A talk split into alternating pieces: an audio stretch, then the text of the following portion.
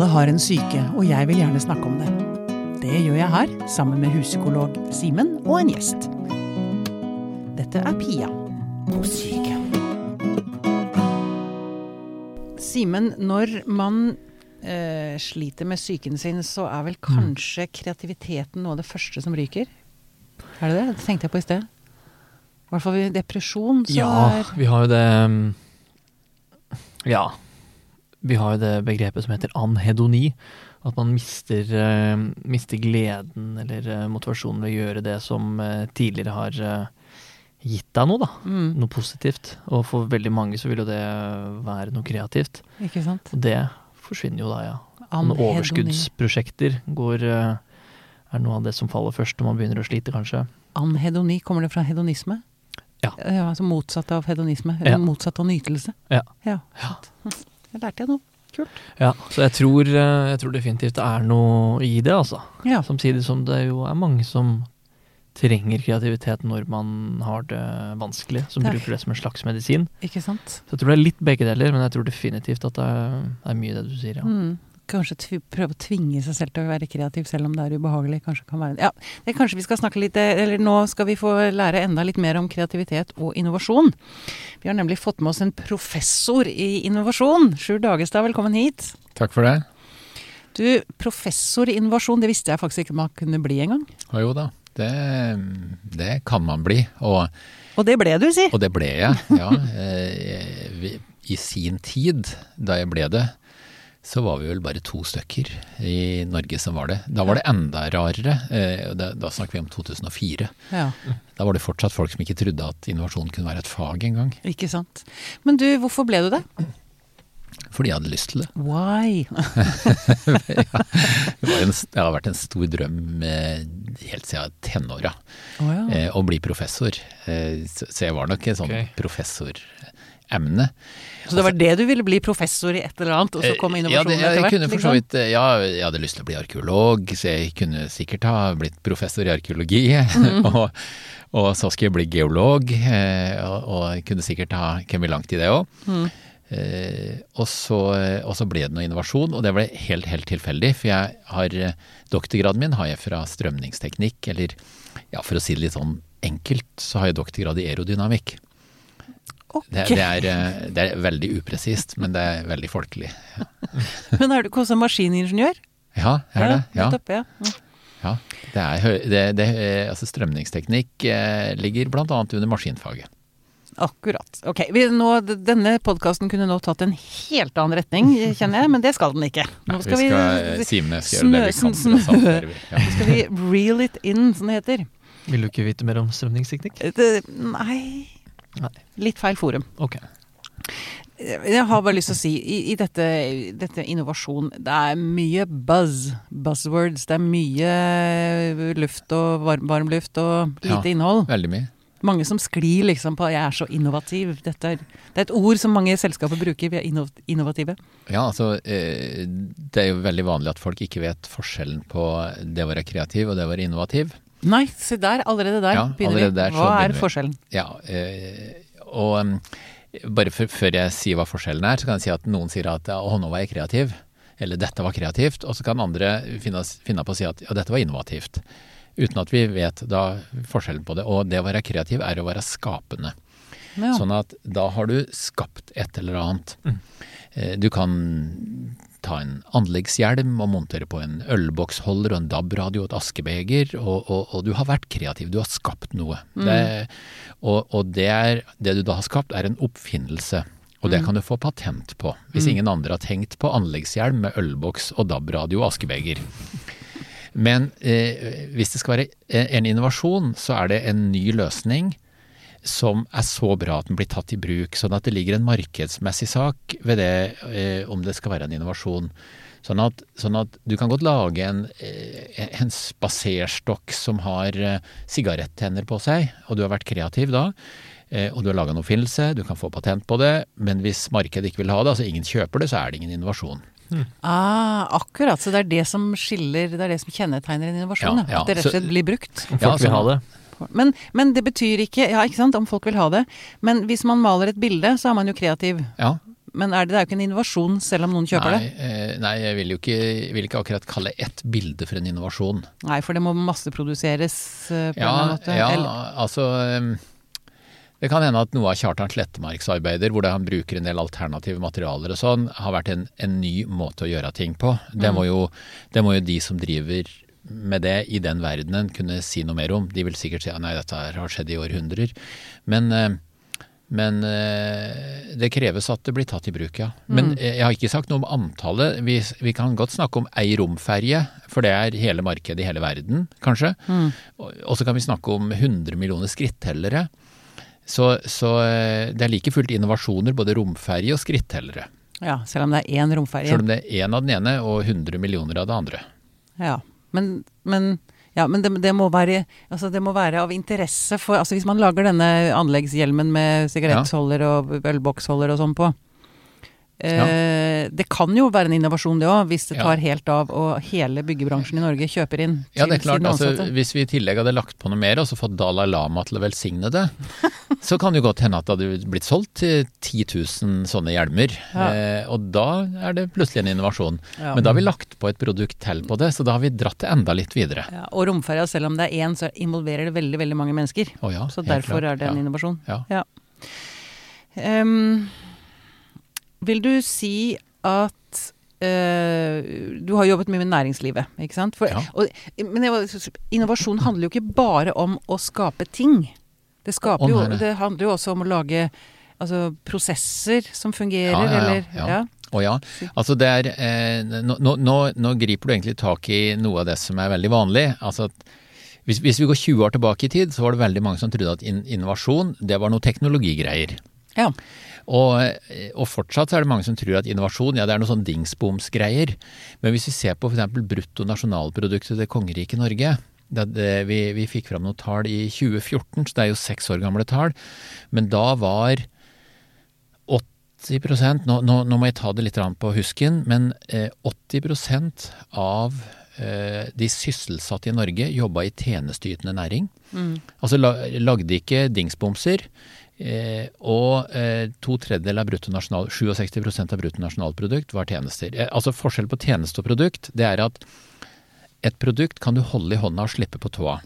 Så et glass med vann, det er et produkt. Du kan holde det i hånda og slippe det på tåa. Og du kan produsere og du kan putte det på lager, sånn at hvis det blir streik, så kan ledelsen i firmaet gå inn på lageret og hente det ut og levere ut til sine kunder, eh, og forsyne markedet med det fortsatt.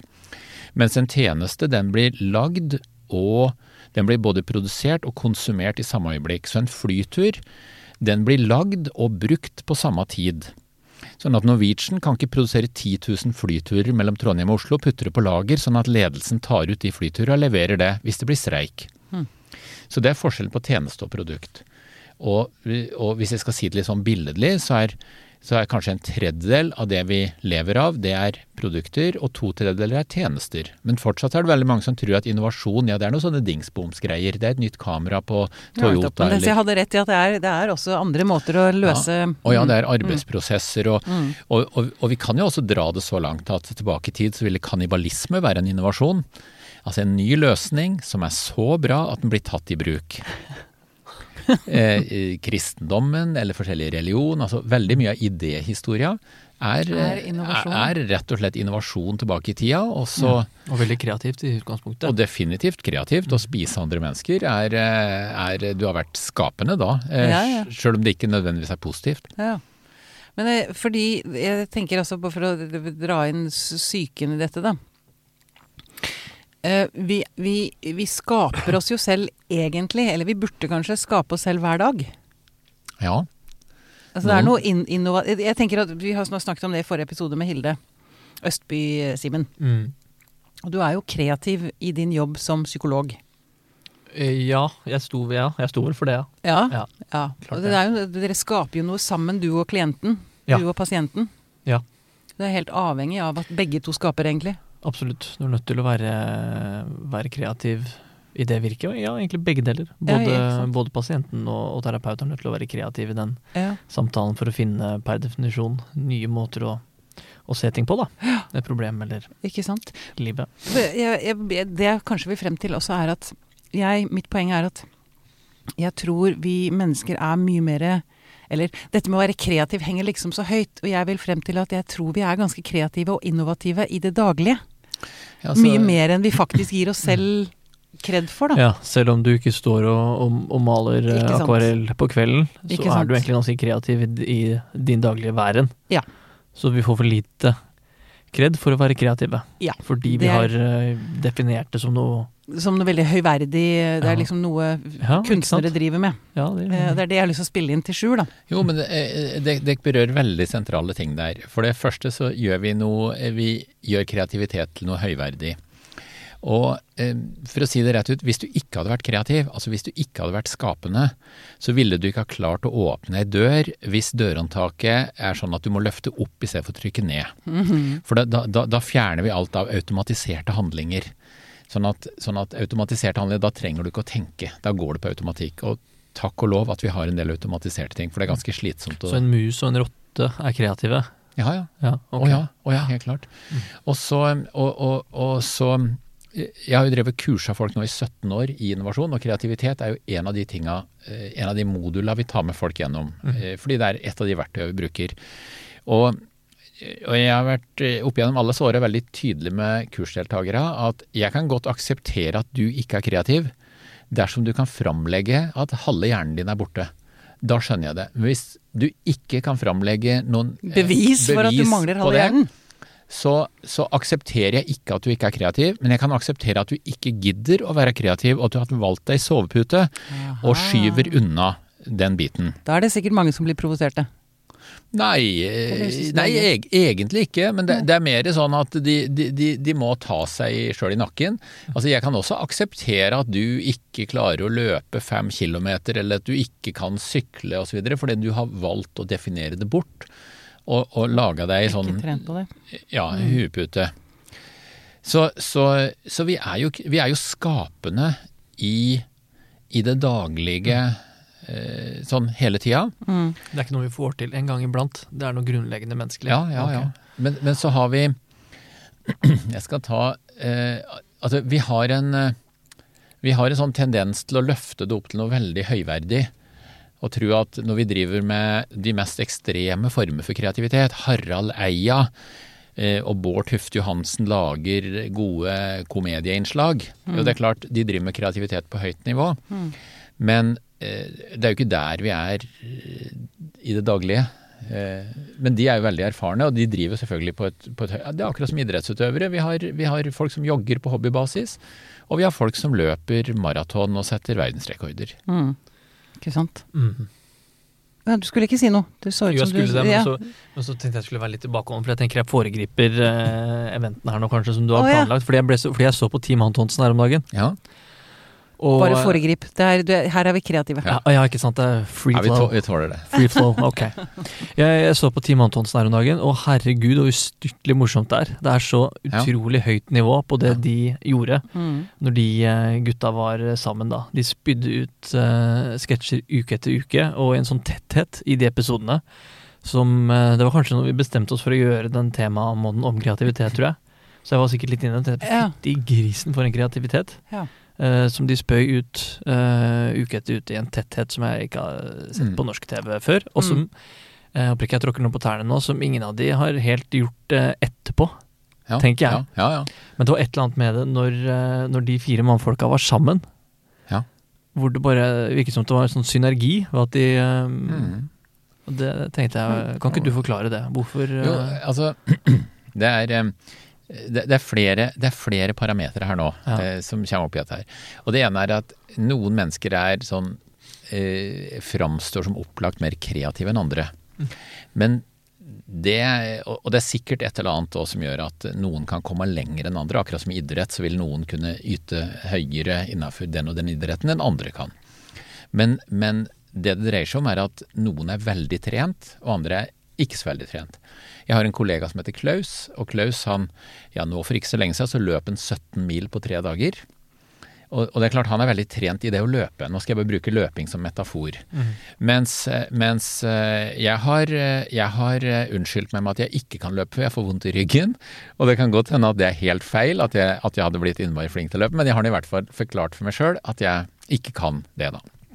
Og, eh, og det er ikke så viktig for lytteren, men det, det som er viktig er forskjellen for min kollega Klaus. Han er i stand til å løpe maraton. Altså, han, kan, han trenger en halvtimes forberedelse, han, og så er han i stand til å løpe maraton. Altså, han er i stand til å yte mm. på det og det nivået. Mens hvis jeg skulle løpe maraton, eller, eller, en av dekk her i studio, så ville det sannsynligvis trengt eh, Et par år. Et, et par år, ja. Før dere er klare. Og sånn er det også med kreativitet. At Team Antonsen de er veldig trent. De kan gå inn på høyt nivå. Og så kan de yte på høyt nivå. Altså Husk på det vi ser når vi ser på Team Antonsen. Det er akkurat det samme vi ser på når vi ser på Bislett, og vi ser toppidrettsutøvere våre som yter på toppnivå. Men jeg tror noe av det jeg også tenkte på, var at de, ehm, det var noe med, med synergien dem imellom mm. ja. som gjorde at de, det kom opp på et helt nytt nivå igjen. Og det er det ikke nødvendigvis hvis du hadde tatt uh, Karsten eh, Warholm og en annen hekkeløper og bare satt i samme rom. Så ville ikke de uh, klart å løpe raskere sammen på en måte. Men at, bygger, at, kreativitet egentlig kanskje også har med samspill å gjøre? Mye? Ja, veldig mye. Ikke sant? Veldig, veldig mye. Og, og, ja, jeg, tror, jeg, tror, det var det som slo meg. At ja. uh, det, et, det, må ha vært et eller annet i det skriverommet som gjorde at De fikk ut gull av hverandre, liksom? Ja, mm. at uh, delene ble mer enn uh, en summen. Ja, ja. Én pluss én er fem. Ja. Mm. Det har du kanskje sett mye av? Ja, men vi, vi, ser jo det. Det er jo derfor vi sitter i, i, i brainstorming-sesjoner, og vi, vi, merker at eh, altså når vi sitter sammen med andre mennesker, så blir vi, så blir vi veldig stimulert og veldig inspirert. Så, så, så, det at vi løfter hverandre, er jo eh, ja. Men hvordan skjer det? Hvor det hvordan fungerer den, eh, den, den, den byggingen oppå hverandre, på en måte? Ja. Kan vi få oppskriften nå, vær så snill? Ja, det, det, det, krever jo eh, ja, Jeg vet jo ikke om jeg har oppskrifta. Men jeg, jeg, jeg, kan, jeg, har lyst til å bare kaste inn en sak til òg, sånn, sånn, før vi da skal vi heller prøve å nøste det inn igjen. okay. Eh, sånn opp gjennom åra, eh, for jeg drev og underviste i kreativitet på NTNU. Og, og, da, og da, gjorde vi forskjellige eksperimenter, og, og jeg, jeg, fant noen ting som jeg aldri funnet i litteraturen. Så, så, det kan godt hende at noen av lytterne kan forklare at jo, det er den og den effekten. Men hvis eh, Altså, jeg kan, jeg, jeg, jeg kan gjøre eksperiment med dekk og få deg til å få idétørke etter ja, to minutter. Og det gjør jeg ofte. Vi, det er faktisk et fast innslag som vi har i kursa våre. Og da, da, gir vi folk beskjed. Eh, sitt helt stille. altså Tenk deg at dette her er en eksamen. Du sitter helt stille, skal ikke snakke med noen andre. Og så skal du nå skrive ned alle assosiasjoner du får til en kaffekopp, f.eks. Altså bare et tenkt objekt. Hva kan du mm. bruke det til? Du kan sette deg på huet som hatt, du kan, du kan uh, bruke det til å ha binderski, du kan gjøre alle mulige sånne ting. Som toalett. Ja, så skriver, så skriver, folk opp sånn Det var det første du kom på. Ja. Så skriver folk opp sånn seks, sju, åtte, ni, ti forskjellige ting, og så går de tom for ideer. Og så står jeg gjerne foran dem, og, og det interessante er at Eh, når de er tomme for ideer, så løfter de blikket. Altså, de begynner å skrive, så forsvinner alles øyne, for da, da ser de ned på arket. Så jeg ser jo ikke øya deres lenger. Og så når de eh, begynner å gå tom for ideer, så løfter de blikket, og da sitter de sånn hmm, Ser ut i lufta og De virrer ut, og de ser rett på meg, men de ser meg ikke. Altså, akkurat som øya ikke er kobla inn. Og så lar de drive på til omtrent alle sitter og virrer. Og, og det er sånn type to minutter. Og da er det mye lettere å snakke om kreativitet, for da har de opplevd idétørke, og så kan vi gå videre. Men så kan jeg sette de samme folka inn i en annen eh, sammenheng, altså i mer sånn tradisjonell brainstorming rundt et bord, og da får de det samme idétørka etter en halvtime. Altså I det første eksperimentet så er det ingen deling av informasjon. Du har ikke kontakt med noen andre mennesker. Du, du, du får ikke noen impulser utenfra. Mm.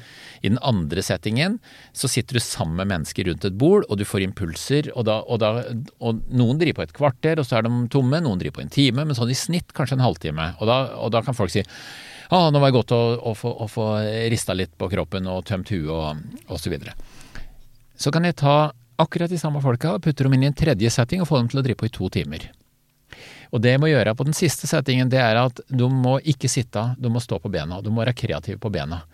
Altså vi er, vi er oppreist, vi er fysiske, du bruker kroppen. Eh, jeg har kanskje med 50-60 kilo med drit og ræl og noen limpistoler og litt forskjellig, så bygger vi skulpturer, eller vi lager et eller annet, eller vi lager noen sånne rare ja, Akkurat som jeg lager skulpturer. Jeg, jeg begynte egentlig med disse prosessene som skulpturprosesser for flere år siden Da hadde jeg med mye drit og ræl, så lagde vi skulpturer.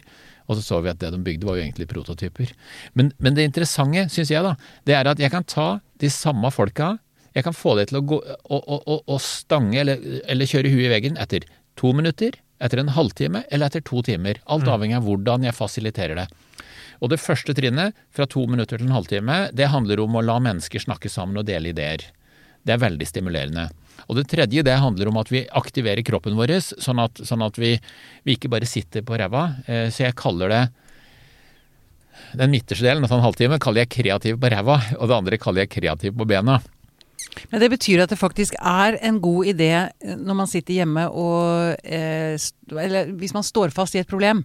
Bare det å bevege seg gjør faktisk en forskjell for ja, kreativiteten din. Ja. Det, det, det, er det ene. Og det andre det er innhenting av fakta.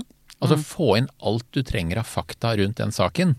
Mm. Eh, for det, eh, det, er, det er ei som jeg har kjemperespekt for innenfor kreativitet, som heter Teresa Amabile. Og hun studerte igjen, så må jeg bare ta det litt sånn røffelig ut av huet, men jeg tror hun hadde 200-300 mennesker. Og de skrev dagboksnotater. Og de skrev flere år. Så jeg tror hun fikk 10 eller 12 000 notater. Og det var De sendte inn sånn når det passa dem. Og det kunne vært sånn I dag hadde vi en fantastisk dag på jobben. Jeg satt her, og Carol kom inn og, og sa til meg at vet du hva, nå har vi sånn og sånn. Og vi fikk en ordentlig oppglødd samtale, og endelig fikk vi gjennombrudd på det og det. Og så kan det være en annen dag, så kunne vedkommende sende inn fy søren for en dag i dag. Altså jeg kom på jobben, og det var bare tull, og jeg er så demotivert. Og, og, så, og så ekstraherte de kreativitet ut av det der. da. Så fant de ut at du blir ikke kreativ under press. Eh, hvis du ikke kan dele informasjon, så blir du mindre kreativ. Sørg for å ha for det. Eh, og, og, og, de fikk opp masse, masse ting rundt, rundt eh, kreativitet, da. Mm. Som, som, var folkelig og forståelig, i motsetning til mye av det du finner i kreativitetslitteraturen, som det er skrevet av psykologer som skal vise hvor flinke de er, f.eks. Ja, det er Huff a meg, ja. Men var det noe spesielt du hadde lyst til å si? Altså, hva var det de ekstraherte av gull, liksom, som du kan dele her? Ja, eh, og jeg er ikke helt sikker på om det er Therese Amabile eh, eller andre som har ekstrahert noe av det, men på den derre den derre kreativ etter to minutter, mm. eh, altså du stanger etter to minutter, det er en test som heter AUT, Alternative Uses Test. Og, vi, og, der er det gjort masse, masse undersøkelser, helt ifra, helt ifra småbarn, altså barnehagebarn oppover. Og når vi er i barnehagenivå, så ligger vi på kanskje 100 eh, mulige ting som vi kan bruke denne gjenstanden til. Mm. En pinne kan jo være alt fra gravemaskin til ja, ja. ørepirker og, ja, og kaffekanne. Eh, og så når vi blir tenåringer, så detter vi ned på sånn 15 kanskje. Og så når vi blir voksne 15? Ja. Fra 100 til 15 ja, på noen år? Ja, kanskje litt under òg. Og så når vi blir voksne Jeg ser når jeg spør folk som er på deres alder, da. Eh, vi ble satt i samme alder her, Simen, hørte du det? ja, ja, ja, ja. Ikke en dag under. Ikke en dag Og så, og så Men det framstår jo veldig Nei, jeg skal ikke ta noe mer om det. vi legger den der. vi, la, vi glemmer. Men eh, også, også, når du da blir voksen, så er du nede på fem-seks mm. stykker. Ja, ikke sant. Du, eh, for, for å skyte inn noe helt eh, fra en annen kant her. Vil du si at norsk næringsliv er eh, innovativt? Offentlig sektor har ligget etter i mange år, men kommer sterkere og sterkere og sterkere på banen. Det, det er en, faktisk en av de områdene hvor de virkelig de kommer som en rakett. Hmm. Der skjer det utrolig mye nå. Mm. Og så er det selvfølgelig noen deler av offentlig sektor, de er, de er forvaltningsorganisasjoner på 70-tallet, eh, eller kanskje med minner tilbake til kanselli-Danmark, for den saks skyld, på 1700-tallet. Mm. Og så er det andre som virkelig ligger langt framme. Tollvesenet f.eks. driver med kunstig intelligens for å finne ut hvilke av de så og så mange hundre millioner pakkene skal vi plukke ut, osv. Mens tollerne på grensa skriker og sier vi må få flere folk på grensa, så driver de og jobber oppi det med kunstig intelligens og, og gjør ganske mye kult, altså. Ja, som et gøy. eksempel. Ja, det er veldig gøy. Det er gøy å høre.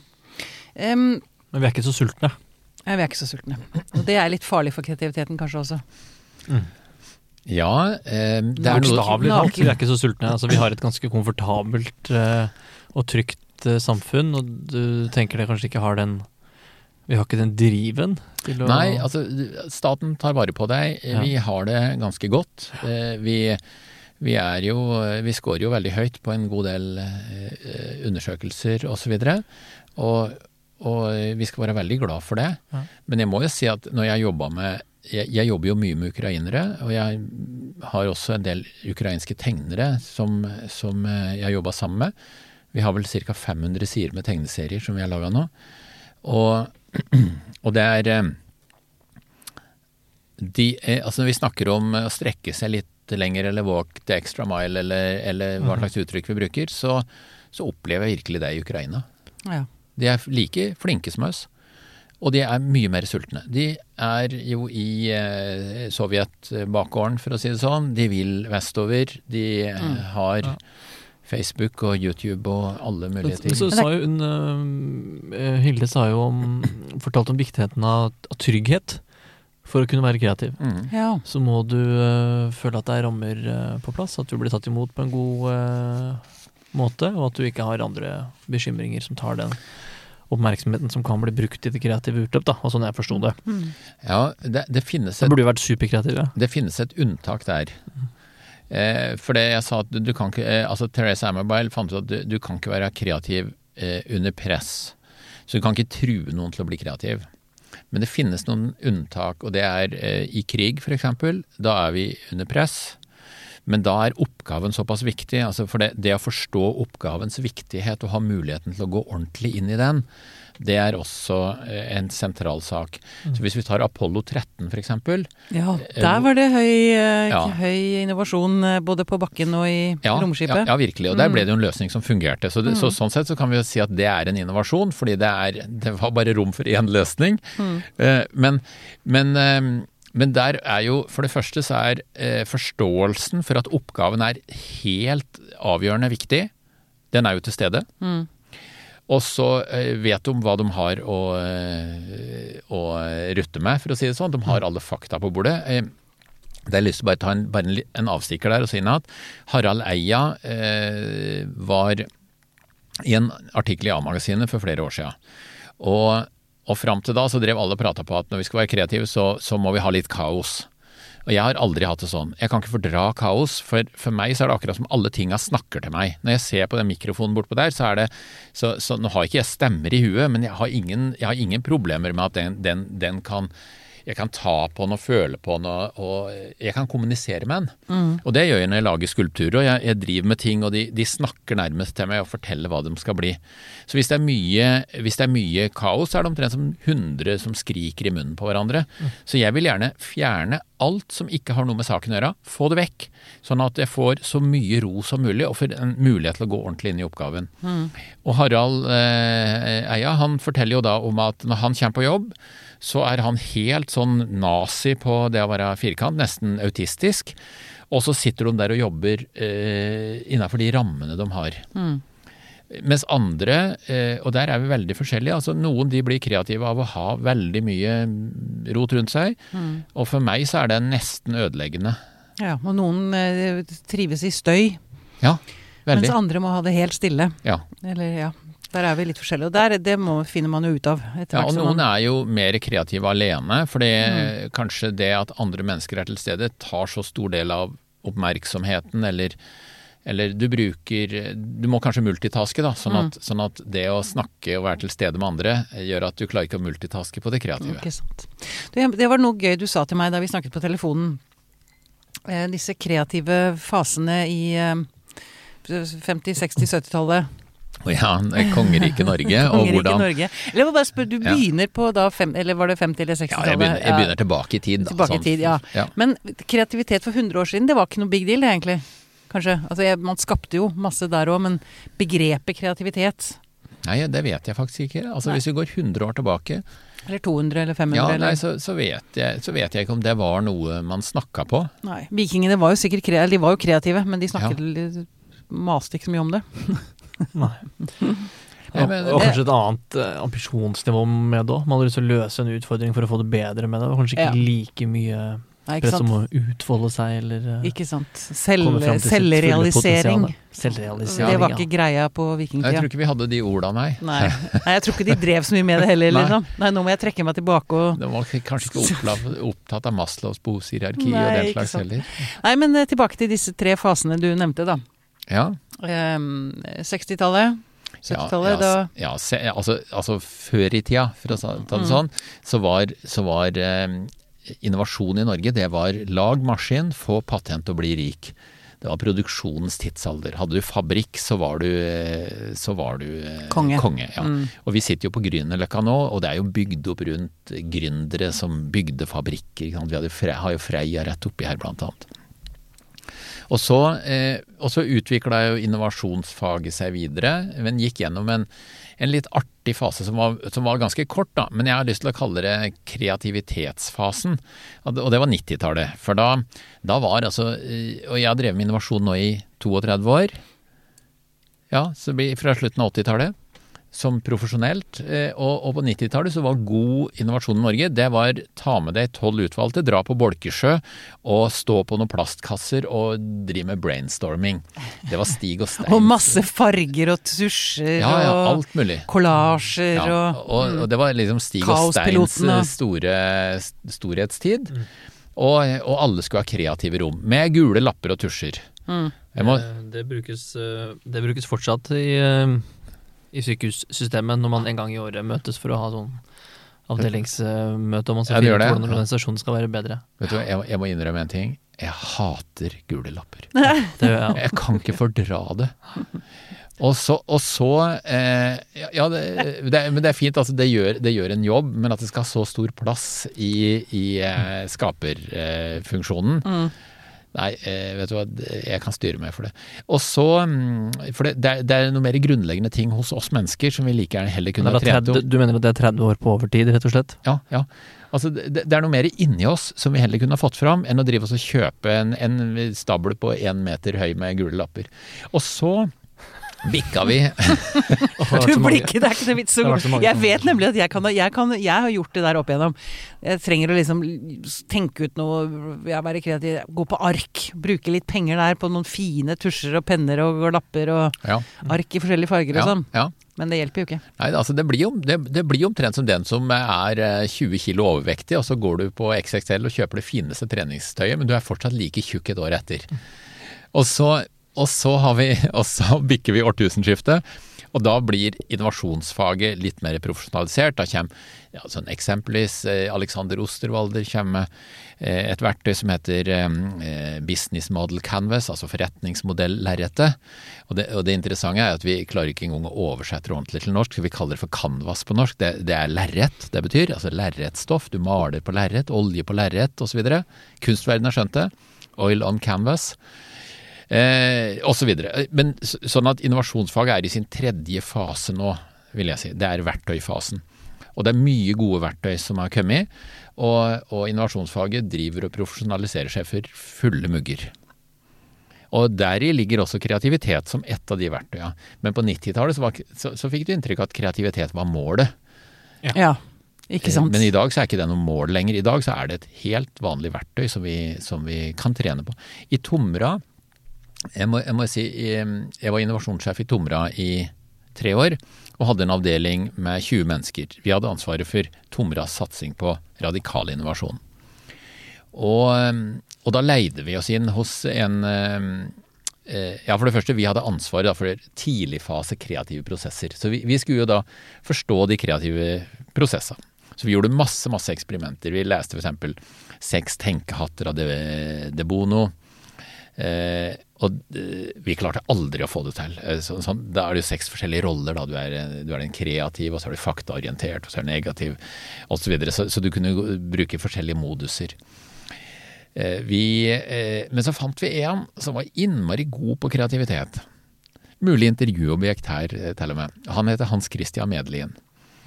Og Eh, og han eh, Vi var i De utenkte tankers-tårn. Han har bygd et tårn, akkurat som Mummitårnet, for å si det sånn, i, i, opp i Ringsaker kommune. Og så har han vært mye komiker og, og driver med kreativitet og galskap. Og der lærte vi veldig mye om sjølve motoren i det å være kreativ. Altså de tinga vi gjør, hvilke verktøy gjør vi, åssen oppfører vi oss. Altså ikke de tinga før og ikke de tinga etter, men midt i prosessen. Omtrent som hvis du skulle grave et høl i bakken, så er vi, da er vi midt i graveprosessen. Mm. Så han lærte vi, han lærte vi veldig, veldig, mye om eh, det kreative. Og der, så underveis så målte vi også Akkurat som du måler farten på biler, f.eks., så, kunne, så kunne vi måle eh, den kreative yteevnen og, og, flere av mine ansatte de hadde sånn type 100 gode ideer i timen. Og det er ikke sikkert vi skal bruke god en gang, altså bare ta 100 ideer, men altså de hadde 100 meningsfylte ideer i timen.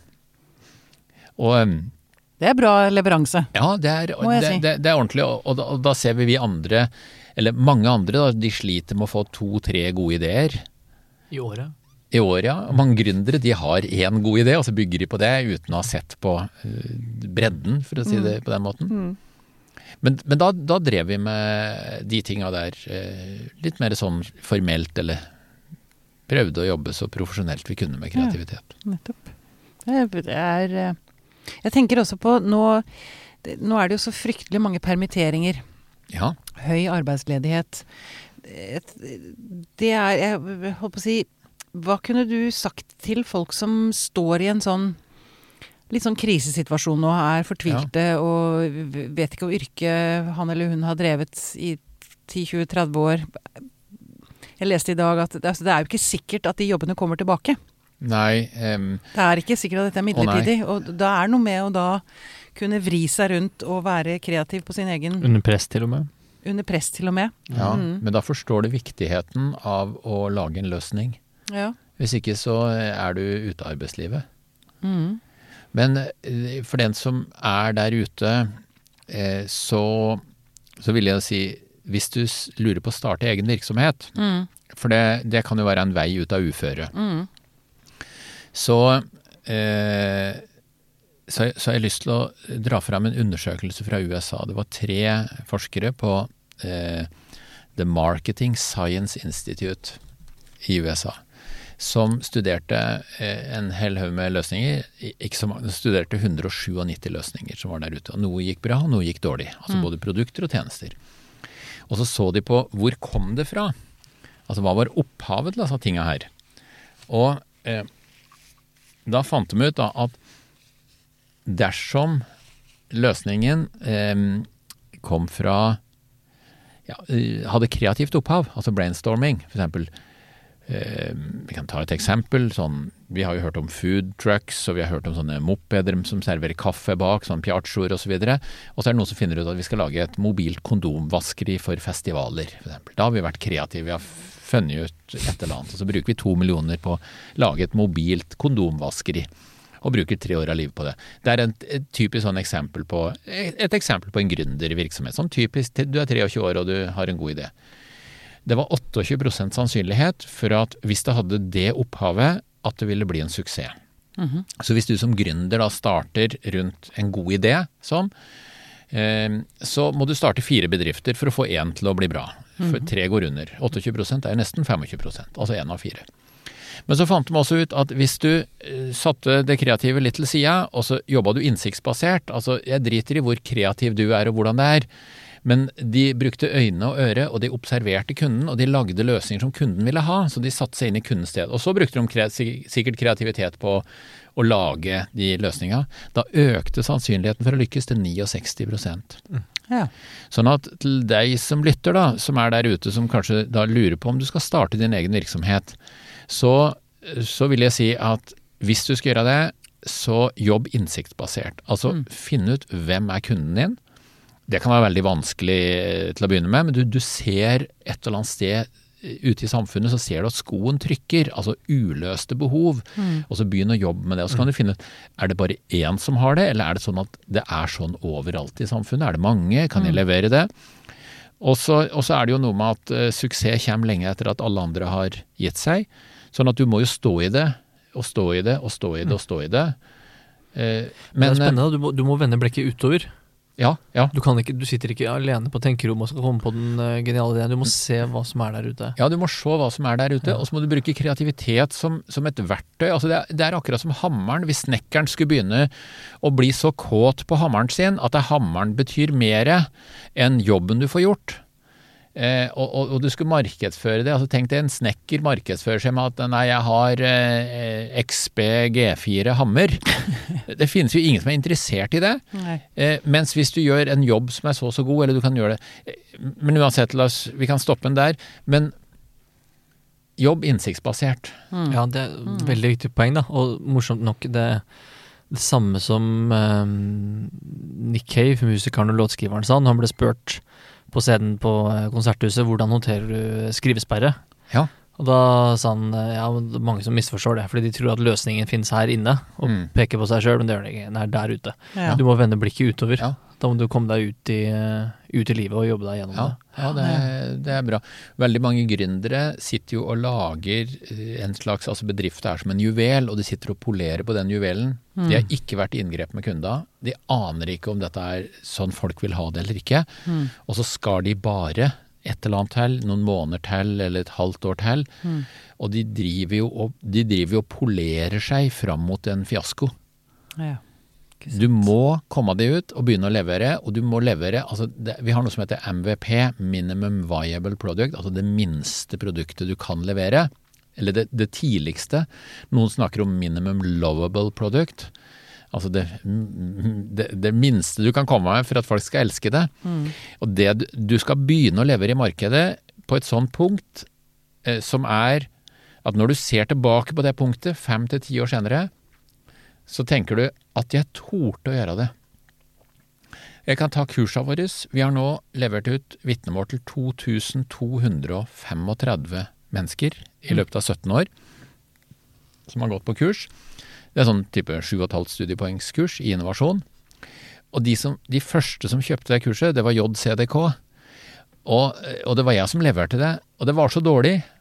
Jeg visste ikke det da. Jeg, jeg gjorde alt jeg kunne. Hang i stroppen.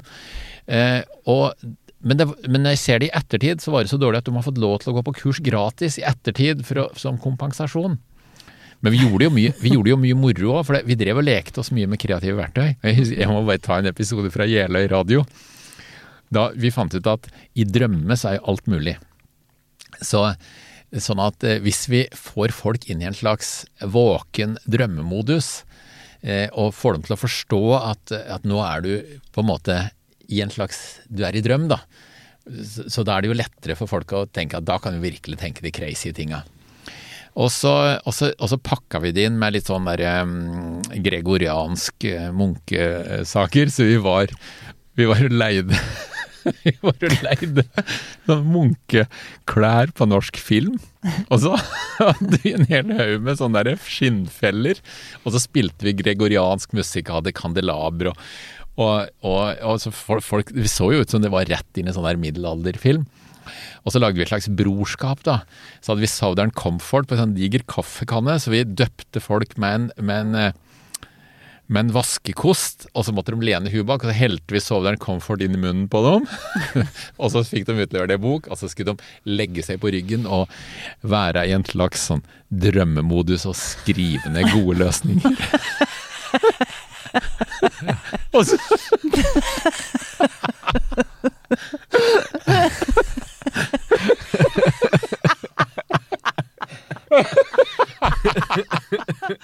Og så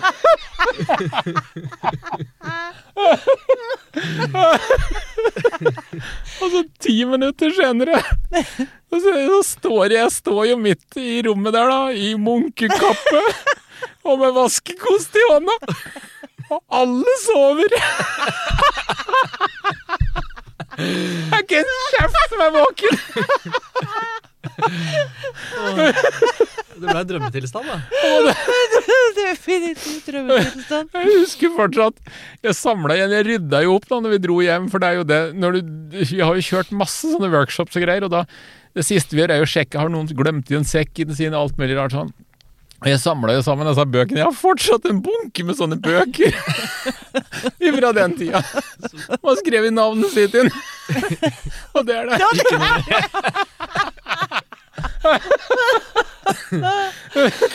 Dette, dette ble ikke noen verdensomspennende suksessoppskrift på du satt på kormusikk og skjenka dem eh, med whisky og la de ned på gulvet. Ja, de lå på skinnfeller, i- og så var det litt sånn fin musikk, og det, ble overraska over at de sånn ja. dempa belysning og, og eh, Men den der ble jo videreført da, av to av de ansatte. For det, eh, ved en senere anledning så var det en som satte på sånn musikk igjen og slo ned eh, dempa lys og hadde noen kandelaber han tente på. Og så var spørsmålet hva, hva skjer nå? Og så, og så sier han ja, nå skal vi gjennom en prosess eh, sånn og sånn, nå skal alle reise seg. Og så gjorde alle, alle reiste seg, og så skal alle legge seg ned på gulvet. Og så lå alle på gulvet, og så var det en som spurte hva, hva er det vi skal gjøre nå? Så sa han jeg vet ikke, sier han. Eh, ja, hvorfor ligger vi på gulvet? Eh, Nei, sannheten er at jeg vedda med en av de ansatte at jeg skal få hele ledelsen til å legge seg på gulvet, så nå har jeg nettopp vunnet 200 kroner. Og det var det hele! Om ikke annet, så har det, dette har jo skapt veldig mye munterhet. Ja, ja, ja, det er klart det er kjempemoro å jobbe med dette her. Og, Ja. og vi har jo lekt oss med den. Jeg husker jeg fant en undersøkelse. Jeg, jeg, jeg skrev den ut. Det var et sånt EU-prosjekt hvor de hadde sett på kreative verktøy. Og eh, igjen så er dette her 15 til 20 år siden jeg fant det. Så da skrev jeg ut eh, Den bunken må jo ha vært 3 cm høy. Det var tre, over 300 verktøy. Og jeg, og jeg skulle gjerne ønske at jeg hadde hatt i dag. Jeg har lett etter den undersøkelsen jeg bare for å finne ut hvilke verktøy er det eh, der ute. For det, det er massevis av kreative verktøy. Jeg kan, jeg kan gi deg ett kreativt verktøy her nå. Ja, Eh, takk. ja, da- På slutten. ja, og da, da kan dekk to kan tenke på et substantiv hver dekk. Og et substantiv er jo et ord som du kan sette én, ei eller ett foran. Også, men ikke si det. Bare du tenker på ett, og du tenker på ett. Mm. sant? Har du ditt ord klart, Mm. ja, og du har ditt klart, da kan du si ditt først. Hund. Og ditt er Gate. Ja. Da har vi hundgate. Og hvis du hadde tenkt, tenkt på giljotin, så hadde det vært hundgiljotin. Og nå får vi jo, vi får jo bilder opp i huet. Jeg vet ikke hva vi skal bruke det til, men, men når vi drikker øl eller koser oss eller har det hyggelig med unga eller hva det er, så er jo det en, en sånn lek som du kan gjøre. Da er vi kreative. Ja. Det er et kreativt Og da verktøy. får du jo et bilde i hodet, ja, ikke sant? Og bare Ja. der har du satt i gang et eller Ja, annet. hvis det, ikke Det er som de der, det husker jeg, det var veldig populært, eh, det var vel 90-tallet, begynnelsen av 2000-tallet, disse kjøleskapmagneter med masse ord. Ja, Sånne ja. små hvite ja. ord Ja, som du sant skulle det. sette sammen, så kunne du skrive beskjeder til kjæresten din på kjøleskapet. ja, Kjøleskapsdøra. Mm. Det har fått litt å tenke på her. Mat for sjelen her. Blir Eh. Pia-syken snudd helt på huet nå. Ja, nå neste uke så kommer det ikke til å Kommer kommer ikke til å kjenne igjen. Nei, altså det blir bare Nå blir det, det er ikke nå blir det Pia og syken, nå blir det Pia blir syk en stund. Oh boy. Oi, ja, ikke sant. Nå skal Pia sette seg Pia blir syk en stund. Pia. ja, la oss ikke fortsette den uh, veien der, kjenner jeg. Men um, Sjur Dagestad, tusen takk for at du kom til oss. Takk.